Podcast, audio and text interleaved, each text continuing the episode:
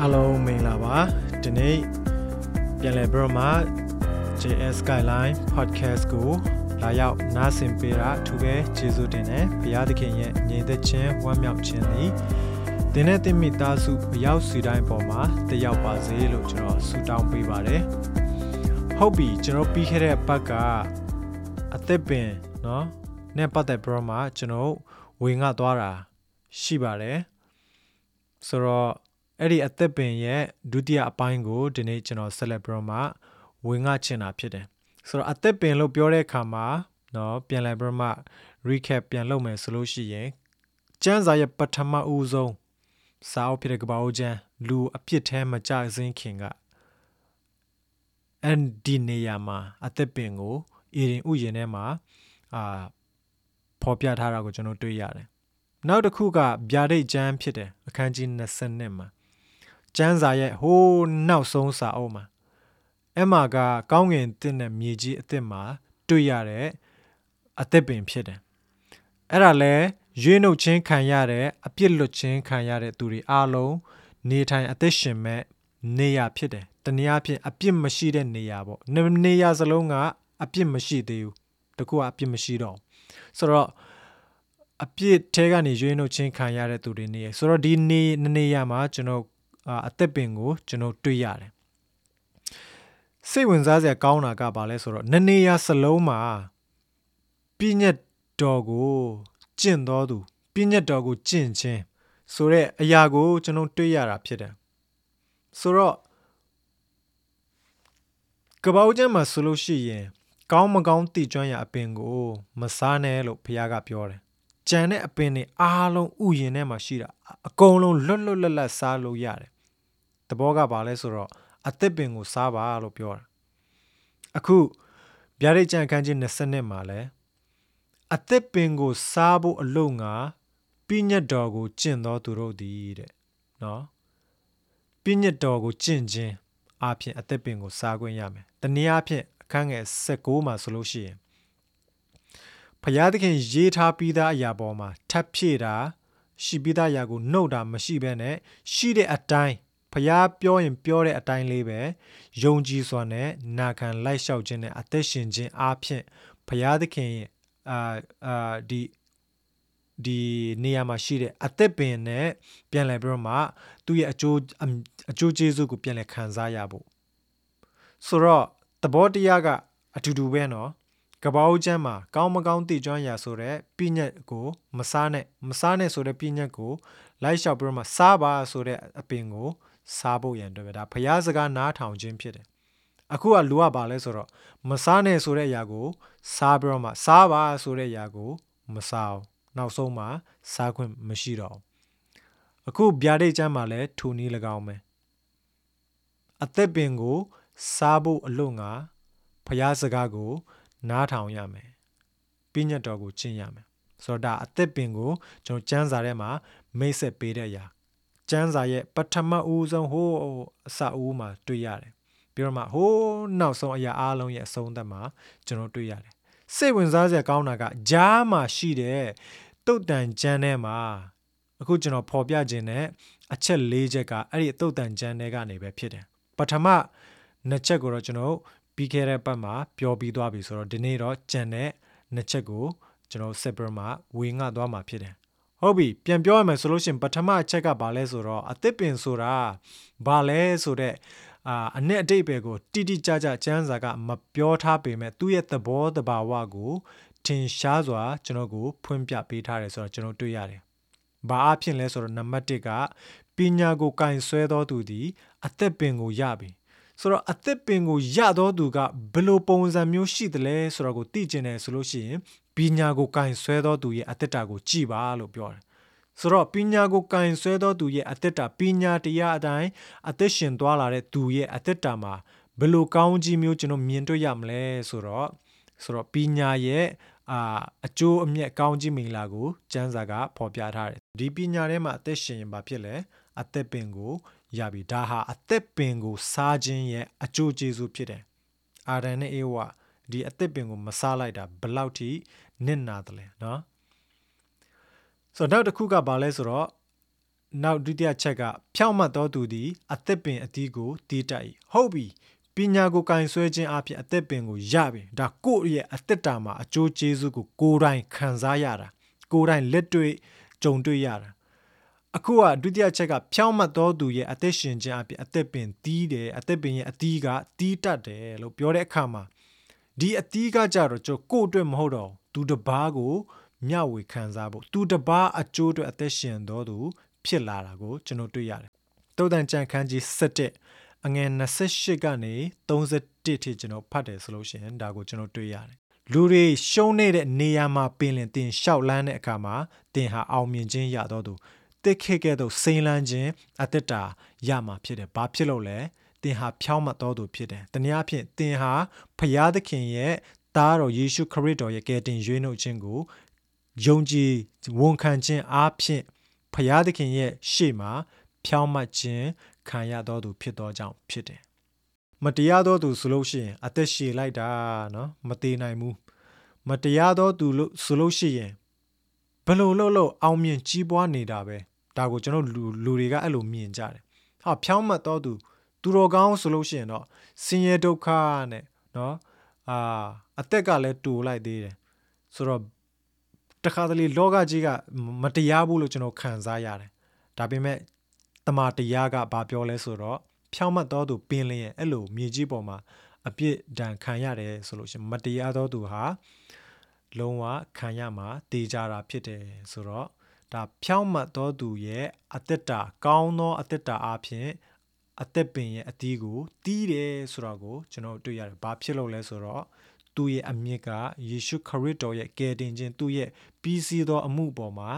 မူတည်ရည်တည်ထားသောကြောင့်ဖြစ်တယ်။ဆိုတော့ဒီနေ့တော့ကျွန်တော်ကြံတဲ့အချက်နှစ်ချက်ကိုကျွန်တော်ဆက်သွားမှာဖြစ်တယ်။ဆိုတော့တတိယအချက်ကဘာလဲဆိုတော့တီးခံပြီးမှအလိုပြည့်စုံလာသောအခါအသက်ပင်ဖြစ်တယ်ဆိုတော့အသက်ပင်ဆိုတာဘာလဲဆိုတော့ တီးခံခြင်းရှိပြီးမှ အလိုပြည့်စုံလာသောအခါရရှိခံစားရတဲ့ဝမ်းမြောက်ခြင်းကအသက်ပင်ဖြစ်တယ်လို့ကျမ်းစာကပြောတာဖြစ်တယ်ဒါကိုကျွန်တော်တုတ်တန်ကြံခန်းကြီး73အငယ်7ကနေ73ကိုဖတ်တဲ့အခါမှာကျွန်တော်တွေ့ရပါတယ်ကျမ်းစာကဘာပြောလဲဆိုတော့လက်ပေါ်ခြင်းအပြင်ဥစ္စာသည်ယော့တတ်၏စ조사အားထုတ်၍စီးပူးသောသူ၏ဥစ္စာမူကားပြန့်ပွားတတ်၏ စူးစမ်းအားထုတ်၍စီးပူးသောသူ၏ဥစ္စာမူကတနည်းအားဖြင့်လျက်ပေါ်ခြင်းရဲ့ဆန့်ကျင်ဘက်ဖြစ်တယ်စူးစမ်းပြီးတော့မှဟိုဒီမှာဒုက္ခဆင်းရဲရှိတော်ညာလဲဥမာအေးစိရဲ့အသက်တာကြည့်မယ်ဆိုလို့ရှင်ဘလောက်ပဲအာကပ်ဘေးရောက်ပါစေနော်အစာခေါင်းမခြင်းရောက်ပါစေဖရာသခင်ကဒီနေရာမှာပဲနေဒီမှာပဲမျိုးစိတ်ကျဲပါဖရာသခင်ပြောတဲ့အတွက်ကြောင့်မလို့ လူတွေအားလုံးရွှေ့ပြောင်းသွားပေမဲ့လည်းသူကစ조사အားထုတ်ပြီးဖရားစကားပေါ်မှာယက်တီပြီးမှစီးဘူးတော်သူဤဥစ္စာလို့ပြောစီးဘူးတော်သူနော်ဒီမှာပဲနေဖို့ရန်တူတူတာရင်ထိုင်ချတယ်လက်ရှိအချိန်တွေမှာအချိန်တွေမကောင်းတော့ညာလဲနော်ဖရားစကားကိုနားထောင်ပြီးဒီမှာပဲမျိုးစစ်ကျဲတဲ့အခါမှာအစပေါင်းများစွာသူ့ရဲ့အသက်တာအေးစရဲ့အသက်တာမှာကောင်းကြီးမင်္ဂလာခံစားရတယ်ပြန့်ပွားတိုက်သူ့ရဲ့ဥစ္စာမှုကပြန့်ပွားတိုက်တိုးပွားခြင်းအသက်တာကိုသူခံစားရတယ် အာဗြဟံကသူ့အဖေကတော့အဲ့လိုမဟုတ်နော်သူ့အဖေကတော့ဒီမှာစာကောင်းမှချင်းဖြစ်တဲ့အခါမှာဟိုမှာတာယာနေအဝတ်ပြောနေတဲ့အီဂျစ်ပြည်ကိုပြောင်းလိုက်ဟိုပြောင်းနေပြောင်းဟိုရွှေ့နေရွှေ့လို့သူ့ရဲ့တာအေးစစ်ခက်မှာတော့အဲ့လိုမဟုတ်တော့နော်ပြောချင်တာကအာဗြဟံကနော်အာအကျင့်မကောင်းမှုလို့ပြောတာမဟုတ်ပဲဒီမှာအိုက်ဇက်ရဲ့ကြိုးစားမှုရည်တည်မှုဆိုတော့အာဗြဟံကလည်းအဲ့လိုရွှေ့ပြောင်းနေခြင်းအပြင်သူ့ရဲ့မိန်းမသူ့ဇနီးကိုညီမအဖြစ်ပြောင်းအာ အလိန်ပြောရင်လည်းပြောလိုက်တက်တာမှာစိန်ခေါ်မှုများစွာသူရဲ့ character နဲ့ပတ်သက်ပြီးတော့မှစိန်ခေါ်မှုများစွာသူရင်ဆိုင်ရတာဖြစ်တယ်အခုအေးစိတ်ကြတော့ဖျားစကားပေါ်မှာရက်တီပြီးတော့မှစူးစမ်းအားထုတ်ပြီးတော့မှစီးပူးသောသူဖြစ်တဲ့အခါမှာသူရဲ့ဥစ္စာကပွန့်ပြန့်ပွားလာတယ်တိုးပွားလာတယ်သူရဲ့စိုက်ပျိုးခြင်းအကျိုးအစပေါင်းများစွာသူခံစားရတာဖြစ်တယ်ပြရမကျမ်းစာကမျော်လင့်သောအရာသည် ဖင်းရွက်လျင်စိတ်နှလုံးကို ပူပန်စေတတ်၏ဒါလူရဲ့တဘာဝဖြစ်တယ်ကိုမျော်လင့်နေတဲ့အရာမျော်လင့်တဲ့အချိန်မှာဖြစ်မလာဘူးဆိုလို့ရှိရင်စိတ်နှလုံးကပူပန်ခြင်းဖြစ်လာတယ်ဆိုတော့လူကဘယ်လိုအချိန်မှာမားတတ်တယ်လဲဆိုတော့စိတ်နှလုံးပူဆွေးသောကရောက်တဲ့အခါမှာစိတ်နှလုံးပူပန်တဲ့အခါမှာလူဟာမားဖို့ရန်အတွက်အလွယ်ကူဆုံးအချိန်ဖြစ်တယ် ခုနကျွန်တော်တွေ့တဲ့လျက်ပေါ်ခြင်းအပြင်ဥစ္စာတွေညော့တိုက်လျက်ပေါ်တဲ့သူကဘာလဲဆိုတော့စိတ်နှလုံးပူပန်တဲ့အခါမှာဒီဒီကြည်ချင်းမရှိတဲ့အတွက်ကြောင့်မလို့နော်ရေကြီးရမြင့်နုရာလက်ရှိအခြေအနေမှာနေရာတကာရွှေ့ပြောင်းနေတဲ့အတွက်ကြောင့်မလို့သူကအာဥစ္စာညော့လာတာဖြစ်တယ်ဒါပေမဲ့စူးစမ်းအားထုတ်တော်သူကအဲ့လိုမဟုတ်ဘူးလက်ရှိအခြေအနေမှာပူပန်နေပေမဲ့ဖျားစကားကိုယုံကြည်ပြီးတော့မှဒီနေရာပဲ အာတစ္ဆာရှိပြီးတော့မှဒီမှာပဲစစ်နေတော်သူအဲ့လိုမျောလင့်သောအရာတွေဖင်းနှွင့်လျင်မျောလင့်တဲ့အချိန်မှာရောက်မလာတဲ့အခါမှာလူစိတ်နှလုံးကပူပါဒါလူရဲ့သဘောတဘာဝဒါပေမဲ့တီးခံသောသူရဲ့အသက်တာကအဲ့လိုမဟုတ်ဘူးစိတ်နှလုံးတည်ကြည်သောသူရဲ့အသက်တာကအဲ့လိုမဟုတ်ဘူးသူကစူးစားပြီးမှတည်ကြည်ဒီနေရာမှာပဲကောင်းလာမဲ့အချိန်ဖရာသခင် ကောင်းသောကောင်းကြီးပေးခြင်းရောက်လာမဲ့အချိန်ကိုသူကစောင့်ပြီးမှဒီနေရာမှာနေတယ်အဲ့ဒါကြောင့်မလို့သူ့ရဲ့အလိုပြည့်စုံသောအခါမူကားအသက်ပင်ဖြစ်၏တဲ့ဒီမှာစောင့်ရကြိုးနှက်သွားတယ်ဒီမှာစောင့်တယ်ဘုရားကစောင့်ပါလို့ပြောတဲ့နေရာမှာစောင့်တယ်ဘုရားကနေပါလို့ပြောတဲ့နေရာမှာနေတယ်ဘုရားထားတဲ့နေရာမှာတစ္ဆာရှိစွာတီတီကြည်ကြည်နဲ့ရှိတဲ့အခါမှာအလိုပြည့်စုံလာတဲ့အခါမှာဘာဖြစ်တယ်လဲအဲ့ဒီဝမ်းမြောက်ခြင်းအလိုပြည့်စုံခြင်း yes ဒါပဲဘုရားကပြောတဲ့အတိုင်းကနေလိုက်တာငါတော်တော်လေးကောင်းကြီးခံစားရတယ်ဆိုတော့ဝမ်းမြောက်ခြင်းကအသက်ပင်ဖြစ်တယ်အဲ့ဒီခံစားတဲ့အရတာကအသက်ပင်ဖြစ်တယ်လို့ပြောတယ်အဲ့လိုမျိုးခံစားမှုအဲ့လိုမျိုးအသက်ပင်တင်းရဲ့အသက်တာမှာခံစားရတာဘယ်နှခါရှိတယ်လဲအခုလက်ရှိချိန်နေမှာရောတင်းရဲ့ဘဝမှာစိန်ခေါ်နေတဲ့အရာတွေပေါ်မှာ ဖျားစကားအတိုင်းတုံ့ပြန်တာမဟုတ်ပဲကိုယ်အလိုတိုင်းကိုယ့်ရဲ့စိုးရင်ပူပန်တတ်တဲ့နှလုံးသားနဲ့ပြန်လဲတုံ့ပြန်တာလားဒီမှာစိတ်ရှည်တီးခံပြီးတော့မှဖျားစကားပေါ်မှာယက်တီပြီးတော့မှနေတဲ့အခါမှာ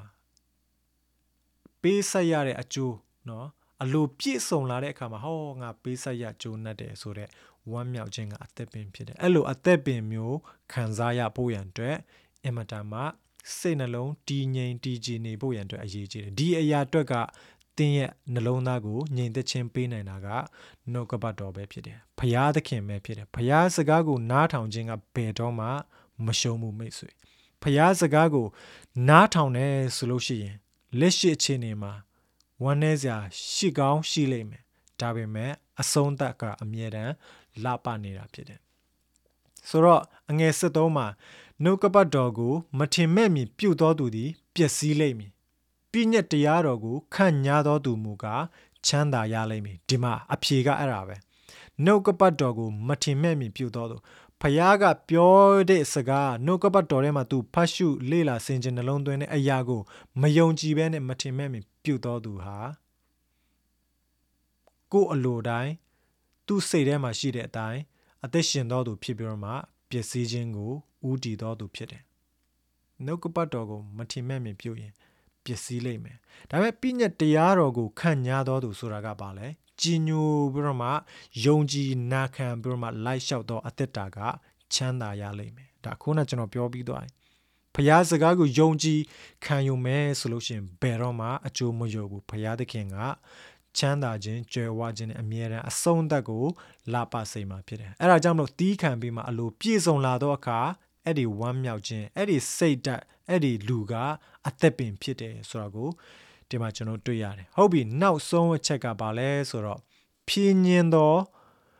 ရှာသည်အသက်ပင်ဖြစ်၏တဲ့တုတ်တန်ကြံခန်းကြီး15အငယ်1ကနေ4ထိကျွန်တော်ဖတ်တဲ့အခါမှာဒါကိုကျွန်တော်တွေ့ရပါတယ်ဖြင်းညင်းသောစကားသည်စိတ်ကိုဖြေတတ်၏ကြမ်းတမ်းသောစကားမူကားအမျက်ကိုနိုးစော်တတ်၏ စကားချိုသာစွာပြောတတ်တဲ့သူဒါတကယ်ကောင်းကြီးမိန်လာဖြစ်တယ်အေးအေးစစ်စစ်နော်စိတ်အေးစွာနဲ့ကျွန်တော်စကားပြောတယ်ချိုချိုသာသာနဝင်ချိုတယ်ဆိုလို့ရှင်ဒါစိုးရင်ပူပန်နေတဲ့စိတ်နော်နှလုံးသားထဲမှာဘလောင်ဆူနေတဲ့အာခံစားချက်ပင်လျင်ငြိမ်သက်အေးချမ်းစေတယ်အဲ့ဒီစကားမျိုးက ဒါပေမဲ့ကြမ်းတမ်းသောစကားပြောတယ်ဆိုလို့ရှိရင်အမျက်ကိုနိုးဆိုလူကိုပိုပြီးမှစိတ်ဆိုးဒေါသထွက်စေတာဖြစ်တယ်အဲ့ဒါကြောင့်မလို့ကိုယ့်ရဲ့စကားပြောခြင်းရှာကိုအသုံးပြုတဲ့နေရာအင်မတန်မှအရေးကြီးတယ်။ဒီမှာဖြင်းညင်းသောစကားသည်စိတ်ကိုဖြည့်တတ်၏။ကြမ်းတမ်းသောစကားမူကားအမျက်ကိုနိုးစော်တတ်၏။ပညာရှိသောသူ၏ရှာသည်ပညာအတတ်ကိုတင့်တယ်စေတတ်၏။ ဒါပညာရှိသောသူရဲ့ရှာကအင်မတန်မှလာပါတယ်။ကောင်းကြီးဖြစ်တယ်။နဝင်ချိုတယ်။ခွန်အားရှိတယ်။မျော်လင့်ချက်ကိုပေးတယ်မိုက်သောသူတို့ဤနှုတ်မူကားမိုက်သောအရာကိုတွန်းလောင်းတတ်၏ဒါပေမဲ့မကောင်းတဲ့လူတွေကတော့အမြဲတမ်းစိတ်ညစ်စရာစိတ်ပြက်စရာစိတ်ကျဉ်နှံ့မှုလုံးဝမရှိဘူး အမြဲတမ်းဝေဖန်မှုနဲ့ပြစ်တင်မှုတွေနဲ့ပြည့်နေတယ်ဆိုတော့ဒါကိုယ့်ရဲ့စကားကိုယ့်ရဲ့ရှာကိုကိုဘယ်လိုအသုံးပြုတယ်လဲဒီမှာအမှန်တရားနဲ့အမှန်အမားကိုဒီမှာပြောတာမဟုတ်ဘူးเนาะကျွန်တော်တတိထားဖို့ကတခါတလေကိုဘက်ကမှန်တယ်ဆိုလို့ရှိရင်ဘလို့စကားသုံးသုံးရတယ်ဆိုတော့ ကိုကိုကိုခွင့်ပြုချက်တွေကျွန်တော်ပေးတတ်ကြတယ်ကျွန်တော်ဒီအမှန်တန်မှတတိထားဖို့ကောင်းပါတယ်ဘလောက်ပဲကိုဘက်ကမှန်နေစေကမှုကျွန်တော်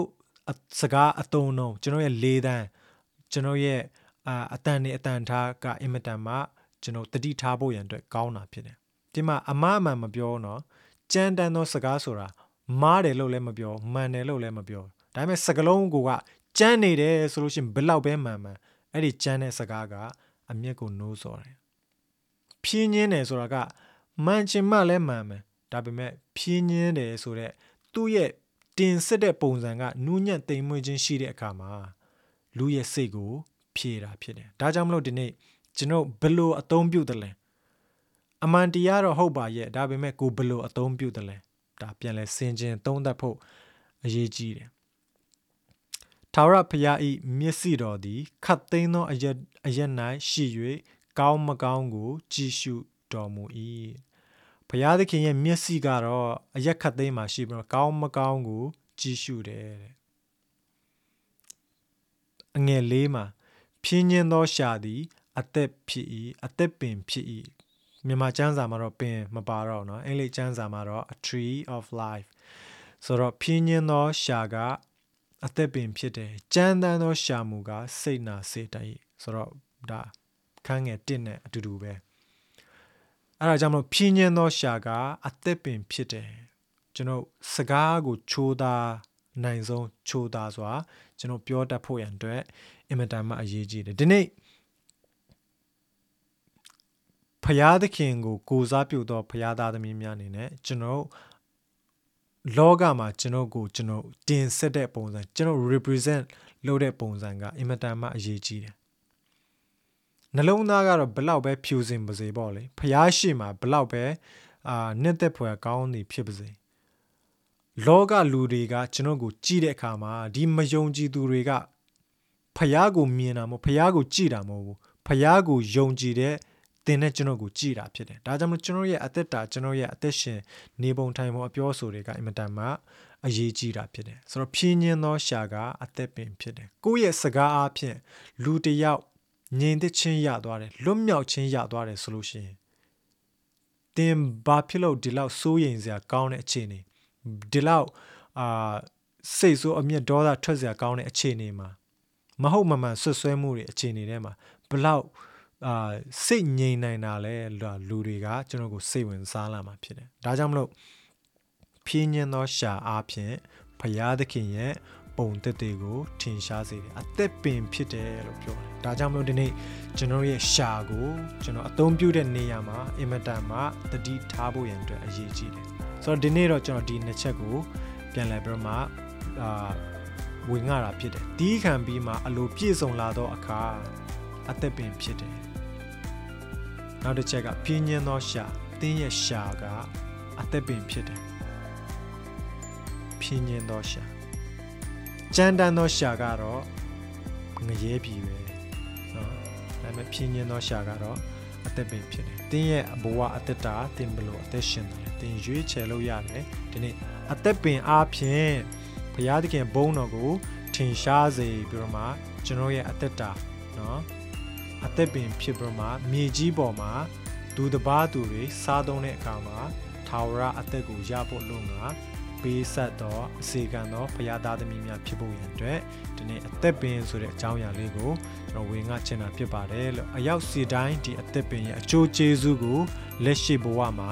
အသက်တာမှာခံစားရပါစေလို့ကျွန်တော်ဆုတောင်းပေးပါတယ်